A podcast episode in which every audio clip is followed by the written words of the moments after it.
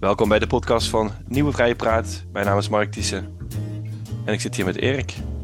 Hey, goedemorgen. Jij bent er weer. Zeker. Hoe is het met de luiers? Goed. Ja, enkel hoogte ongeveer, dus uh, ja, Oké. het gaat wel lekker op. Man, man, man, man, man. Ja. ja heb heb er je, zoveel voor terug. hè. je krijgt er zoveel voor terug. Zeker, zeker, zeker. Nee, je mag, we mogen niet klagen, toch? Daarom gaan we doen. Ehm, we hebben een provinciale statenverkiezing gezien de afgelopen weken. Eh, de kruiddampen zijn een beetje opgetrokken.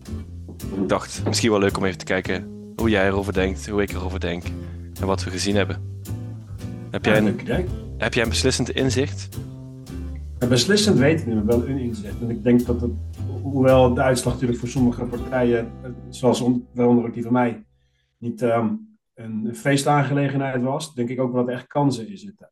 Ja. En ik zeg dat vooral omdat ik denk dat ehm boer-burgerbeweging, als je het vergelijkt met heel veel andere vluchtheuvels voor boze, ontevreden kiezers in de afgelopen twintig jaar, ja, op zich best een, een voor reden vatbare club lijkt te zijn. Als je kijkt waar boze kiezers 20 jaar geleden naartoe gingen, of 15 jaar geleden, of 10 of 5 jaar geleden. Ja. Of nou Fortuyn of Forum of PVV of noem het op was. Ehm, daar ontkwam je echt niet aan partijen die of openlijk racistisch waren, of die echt moeite hadden met nou, hele belangrijke dingen zoals politieke tegenstanders niet eh, geweld toewensen of bedreigen. Ehm, en boer-burgerbeweging heeft wat dat betreft redelijk ehm, altijd afstand genomen van alle vormen van geweld. Ja. Die hebben ook echt wel constructieve oppositie gevoerd met echt initiatiefvoorstellen om, eh, om het stikstofbeleid te proberen te beïnvloeden. En zonder daarna een oordeel te hebben of ik het daarmee eens ben, ja of nee, inhoudelijk. Dat is echt een discussie voor een andere keer.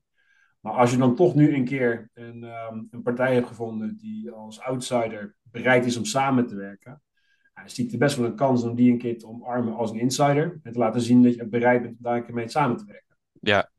Ja, het is eigenlijk wel een schokkend dat we dus blij moeten zijn dat er een partij wint die niet openlijk racistisch is en geweldloos. Ja, de lat ligt niet te hoog, dat is helemaal waar. Maar dat is wel een belangrijk begin. je. Als je Ja. daar een keer mee kan laten zien dat je echt wel bereid bent om te luisteren naar grote groep mensen. ja, die zich al heel lang niet gehoord voelt. Ja. dan, dan laat je wel zien dat je daar bereid bent om open voor te staan. Niet dat je een soort een principiële hekel hebt aan, aan mensen die Carpaccio wat later hebben uitgevonden. Omdat de steden dat hebben uitgevonden, zo gezegd. Ja, het is... Je, eh, je kent, die, je kent die, die verwijzing toch? Van dat rare NEC-interview van die dame die zei dat in de steden nou eigenlijk de belangrijke dingen eerst komen. En dat pas daarna in de regio bijvoorbeeld Carpaccio ontdekt was. ja, precies. Die, die trok daar dan een beetje de conclusie uit dat, dat dus inderdaad ehm, ja, de regio het niet zo goed snapt allemaal. En Ik Nee, denk juist die minachting, als je daar een keer afstand van kan, kan nemen. Door bijvoorbeeld de BBB een keer te omarmen en zeggen van nou, laat me eens even zien wat voor een samenwerkingspartner je bent. Ja. Zie er wel mogelijkheden in. Nou, nou had ik, hadden de regio's Carpaccio beter kunnen overslaan gewoon, denk ik. Dat, dan, dat was wel een Ja. bewij- bewijs geweest van hun eh, suprematie als ze dat gedaan hadden. Maar ja. Ja, precies. Die hebben ze gewoon laten, laten, laten bedonderen. Die hadden ze moeten voorbij gaan, laten voorbij gaan, ja. Ja, ik weet niet, man. Ik, weet, ik heb, heb het helemaal niet zo met die, met die, eh, die... Het ging over stad en platteland en zo, want... Alles gaat altijd Is beide kanten op. Dus je moet dus met iemand, je moet dus met iemand uit het platteland praten eh, over eh, mensen uit de Randstad. Dat is ook niet eh, dat ze daarvan zeggen, wauw, we zijn zo blij met mensen uit de Randstad. Wat een geweldige mensen zijn dat. Dat zeggen ze ook niet, hè. Dus beide, beide zullen op elkaar neerkijken. Ik bedoel, ja. Maar ligt daar die scheiding? dat er alleen in de Randstad klootzakken wonen anders. Ook in Rotterdam zie je... Maar zie je, in Rotterdam bijvoorbeeld, hè, daar heb je ook allemaal vlaggen ondersteboven hangen. Dus dat zijn Ja. ook mensen die, die zich aangesproken voelen door zo'n boer-burgerbeweging. Dus is die scheiding echt stad en platteland, of ligt die Ah, scheiding eigenlijk ergens anders? per definitie een scheiding tussen platteland en stad. Die mensen zijn altijd anders. Hè? Maar dat hoeft niet tot problemen te leiden. Maar ik denk niet Ik- dat... Ja, maar denk je dat dat de belangrijkste scheiding is, waar nu zoveel ruzie Nee. Denk je dat- Nee, hè? Nee, maar je, kan honderd van dat soort dingen kan je vertellen over die verkiezingen. Dus het was stad en platteland. Het was hoog opgeleid versus lager opgeleid. Het was, weet ik veel, conservatief versus progressi- progressief. Maar je kan ook zeggen, het was... eh, een, een, eh, er was, het was het tot uiting brengen van de, van de afkeer van de onechtheid van de traditionele politieke partijen. Als ik, als ik de verkiezingen gezien heb, wat er naar buiten komt, daar zat geen greintje echtheid meer in, joh, bij partijen als D66, VVD, GroenLinks, PvdA. Het is allemaal zo nep. En wat is Carol- Caroline van der Plas anders dan helemaal zichzelf en echt? Dus je kunt ook zeggen, het is allemaal wat te, te, te onecht geworden wat die partijen aan het doen zijn. En mensen willen weer kiezen voor iets, iets origineels en iets oorspronkelijks. Dat zie ik ook wel. Die hele VVD-campagne. Het is eigenlijk wel grappig dat je heel veel politieke partijen hebt die, die, die denken met een soort uitgebreid kiezersonderzoek te hebben uitgedokterd wat kiezers willen, om zich daarnaar te gaan schikken. En dat uit te gaan voeren en, en dat een stuk op te houden en te hopen van, nou, dan zal dat wel goed aanslaan. Maar als je dan aan de andere kant een partij hebt waar een, een, een, een vrouw, checkrokend, met, met iets van overgewicht, een beetje grof in de mond, uh, wegloopt met alle kiezers. Omdat iedereen ziet van, hé, wacht even, hier is geen focusgroep op losgelaten. Het is iemand die er helemaal niet over nagedacht heeft. Zo lijkt ja, dat, dat lijkt zo, ja. Dat zij helemaal... Ja, ik denk dat dat ook een uh, verhaal is. Hè? Dus, dus uh, dat, uh, de kloof tussen de politiek en de burger ook eruit bestaat dat de politiek gewoon een beetje fake ass geworden is. Dat het allemaal niet meer zo geloofwaardig is. Hè? Die linkse wolken, beste voorbeeld daarvan. Ja, mm -hmm.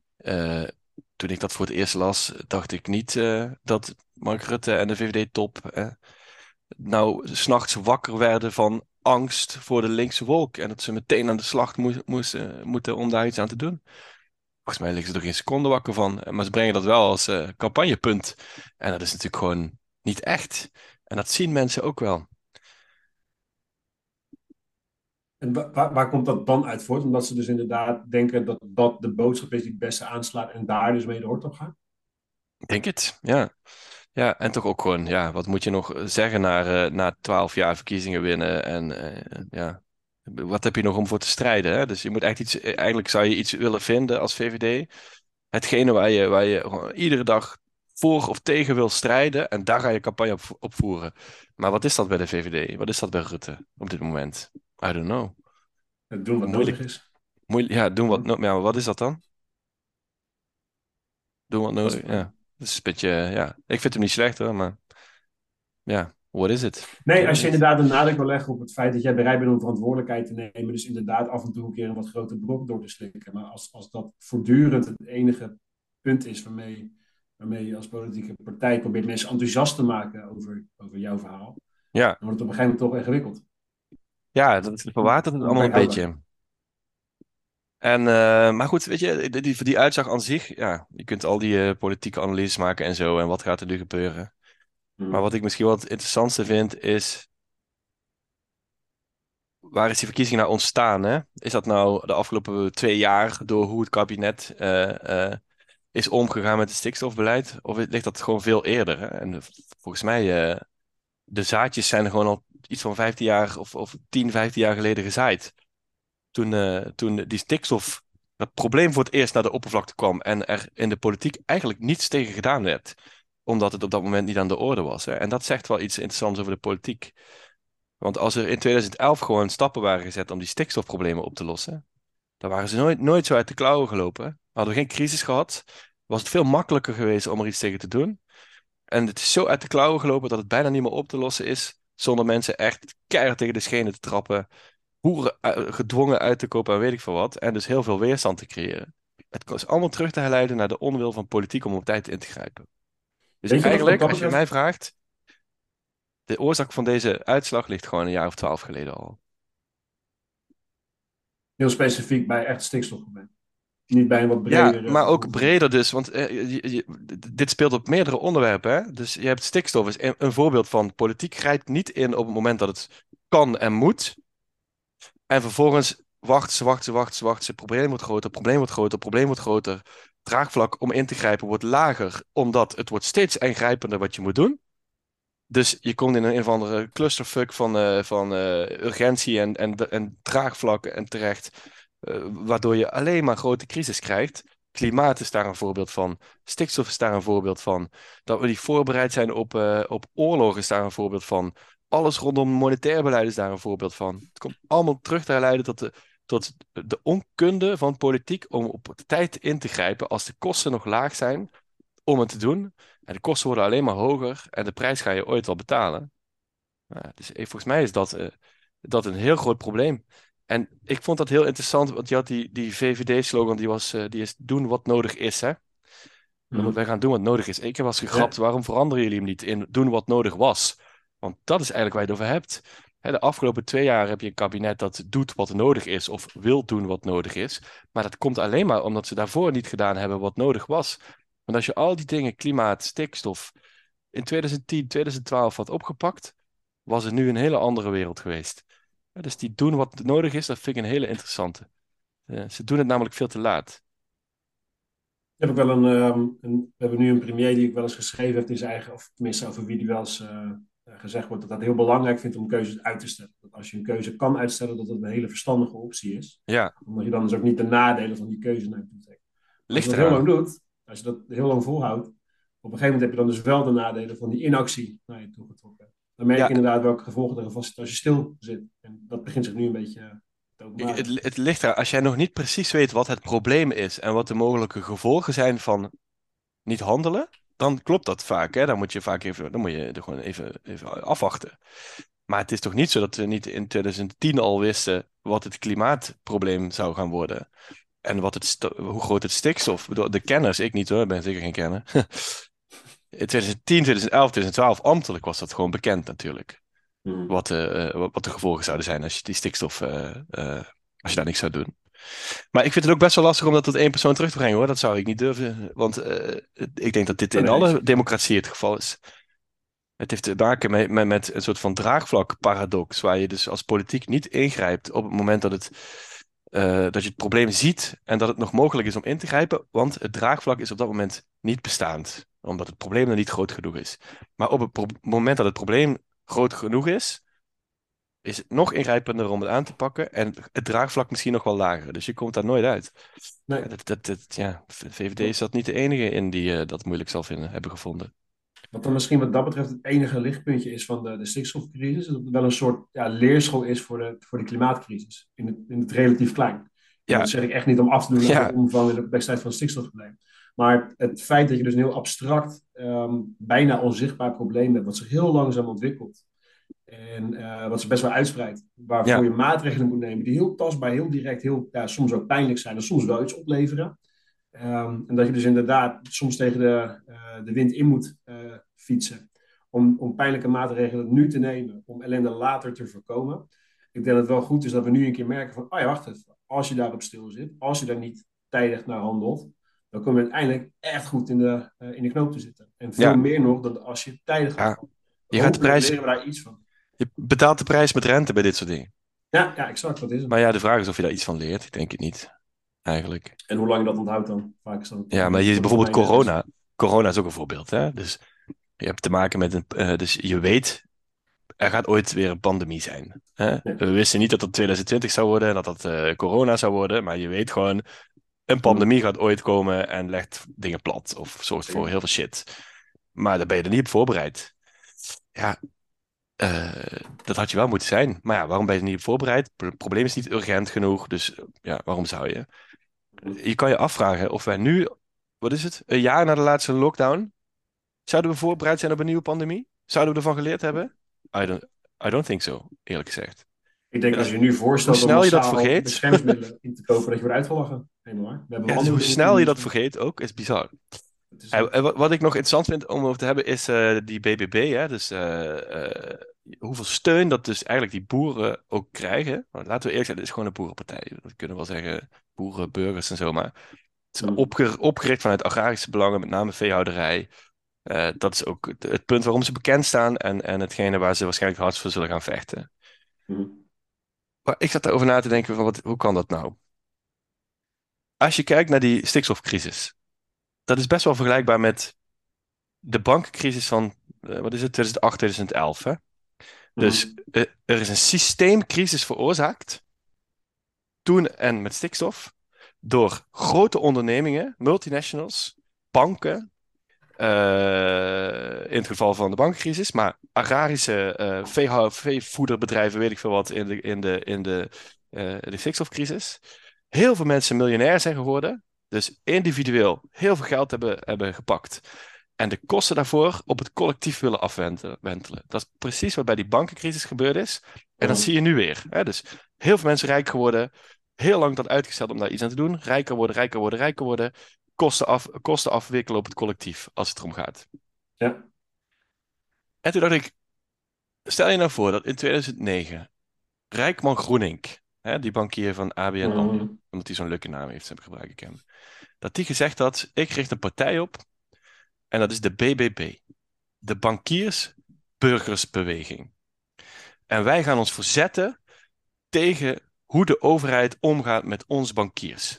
Want wij zijn allemaal hardwerkende mensen en we werken hard zodat mensen in Nederland gewoon geld op een spaarrekening kunnen houden, zodat ze kunnen eten, zodat ze leuke dingen kunnen doen, op vakantie kunnen gaan met de kinderen.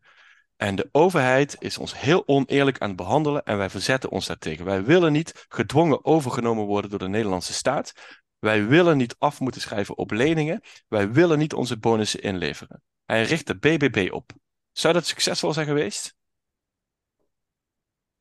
Ik wil graag geloven van niet. Maar Nee, dat denk, ik denk het niet. Nee.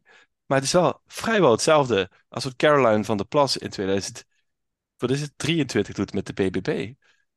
Dus hetzelfde verhaal. Individueel, eh, sector die individueel eh, binnenharkt, wat er binnen te harken valt. De schade op het collectief afwimpelt. Richt een partij op en wint een verkiezing. Ik had Rijkman Groening dat niet zo snel zien doen. Dus waar komt die sympathie vandaan? Waarom zijn bankiers anders dan boeren? misschien toch het romantische beeld van de hardwerkende poot in de modder, in de klompen. S ochtends vroeg je bed uit. Ja. Eerlijke noeste arbeid om, om voor jezelf een, een, misschien een paar andere, een paar kippen en geiten te houden om Ja. genoeg eten te hebben. Ja, En niet per se het beeld te hebben van een hele grote industrie, waar je inderdaad heel makkelijk miljonair mee kan worden. Heel makkelijk Ja. is niet helemaal eerlijk, maar Nee. waar je uiteindelijk miljonair mee kan worden. ja, dus, dus ja, gek toch? Eigenlijk. Nou, nou toch maar Of, of een gemiste kans voor Rijkman Groening, dat kan ook. Ja, achteraf hadden we dat kunnen doen. Achteraf had hij dat beter kunnen doen. Hey, wil je nog iets zeggen over het verlies van de VVD? Of verlies, ja, hoe, noem je het eigenlijk? Hmm, Ik denk dat het belangrijk is om altijd kritisch naar jezelf in de spiegel te kijken of er eh, ruimte en aanleiding is voor verbetering. Dat het nu extra het geval is. Dat we weer echt moeten zoeken naar een verhaal waar mensen enthousiast van worden. En de meeste mensen die ik sprak die de VVD hebben gestemd, dat was uit een soort ja, plichtsbesef of uit eh, traditie of uit gewoonte. Maar ik, ik, ik, zou het graag zien dat veel meer mensen echt het enthousiasme op onze club gaan, eh, gaan stemmen. En dan moeten we wel een verhaal hebben waar mensen ook enthousiast van worden. En ik denk dat we daar nog wel wat werk aan de winkel eh, is. Ja. Wat is nou hetgene waarom wij een, een veel sterker, veel mooier, veel meeslepender verhaal hebben dan, dan andere partijen? Ja. Maar jij, wat zeg jij dan tegen me? Ik bedoel, dit wordt jou vast gevraagd op straat. Waarom Ja. moet ik dan VVD stemmen? En Nou, dan zeg jij als raadslid, Kijk, voor mij is de VVD altijd een partij geweest die ervoor zorgt dat de overheid niet in de weg loopt, maar zorgt dat mensen het beste uit zichzelf kunnen halen. En eh, dat daar mensen echt een beetje de eigen middelen voor kunnen eh, aanwenden en, en, en inrichten. En zelf kunnen besluiten hoe ze hun leven inrichten. En niet te hoeven leunen op een overheid of hoeven te kijken naar een overheid. Maar juist het VVD-bestuurders ook kijken van hé, hey, waar kan de overheid een stapje terug doen? Om te zorgen dat mensen nou, echt zichzelf kunnen ontplooien. Maar de laatste tijd zijn we veel vaker gaan kijken naar van oké, wacht eventjes. Op welke manier kunnen wij nu eh, mensen ondersteunen en opvangen en helpen? En, en wat moet de overheid allemaal doen om te zorgen? eh, Ja, wat moeten ze wel doen? uitvoeren en bieden. Ja. En ik zou het wel mooi vinden als de VVD weer kritisch gaat kijken naar de ouderwetse rol van hey, op welke manieren kunnen wij mensen aanmoedigen, maar niet, niet optillen, zo gezegd. Zie je het verschil? zeker. Ja, ja. Ja, ja. En, en, en, dat daar en iets in zit. Ik denk ook wel dat dat verhaal steeds meer op aan het komen is hoor, in, in die partij. Ehm, maar dat is ook niet makkelijk. Hè? Veel is veranderd in de wereld en je moet een beetje mee veranderen, denk ik. Jazeker. Maar een paar jaar geleden hadden we nog een verhaal dat draaide om, om, om juist wat grotere overheid en liberale doelen bereiken door misschien niet-liberale middelen een keer in te zetten. Ja, En eh, daar was ik echt enthousiast over. En Ja. nu begin ik toch wat meer te voelen voor het idee van nee, wacht even. Op welke manier kan de overheid ook een stapje terug doen en mensen het zelf laten oplossen? Dus dat Ja. bijt elkaar misschien een beetje, maar dat is dat misschien voortschrijdend inzicht. Ehm, oké. Nou, volgens mij eh, mooie woorden. Genoeg om over na te denken voor een volgende keer, denk ik. Ja, het is ook een soort fuck you verkiezing, hè, trouwens. Dat moeten we ook niet vergeten, hè, de Provinciale Staten. Is niet elke verkiezing een fuck you verkiezing? Ja, maar, maar dit is dan degene waarbij mensen volgens mij denken: oké, wat kan ik nou daadwerkelijk voor schade aanrichten? Ik ga even mijn middelvinger opsteken. Dat Ja, was de vorige keer bij FVD zo en nu. Alleen het probleem is dat het nu wel echt beleidsgevolgen gaat hebben, natuurlijk. Hè? Ja, Ja, dus- jij, jij zei trouwens aan het begin nog: eh, eh, misschien zitten er wel positieve kanten aan. Dus ik ben wel benieuwd hoe je dat, wat je daarmee bedoelt. Nou, het belangrijkste is dus als je nu een keer laat zien dat die, die, die frustratie en onvrede die bij mensen leven echt serieus genomen wordt. Um, door in ieder geval met, met die partij die dat vertegenwoordigt echt samen te werken. En te kijken waar dan de pijnpunten zitten, waar de ruimte zit om te bewegen. Ik denk dat dan de volgende keer, als ik langs de deur ga in het weekend, dat ik in ieder geval aan mensen kan vertellen van hey, al die onvrede die er misschien in zat en de reden waarom jij niet meer op de traditionele partij gestemd hebt, daar doen we echt wat mee. Daar luisteren we mee, dat proberen we om te zetten in beleid. En dat, dat zie je op die manier zie je dat terug in jouw leven. Ja.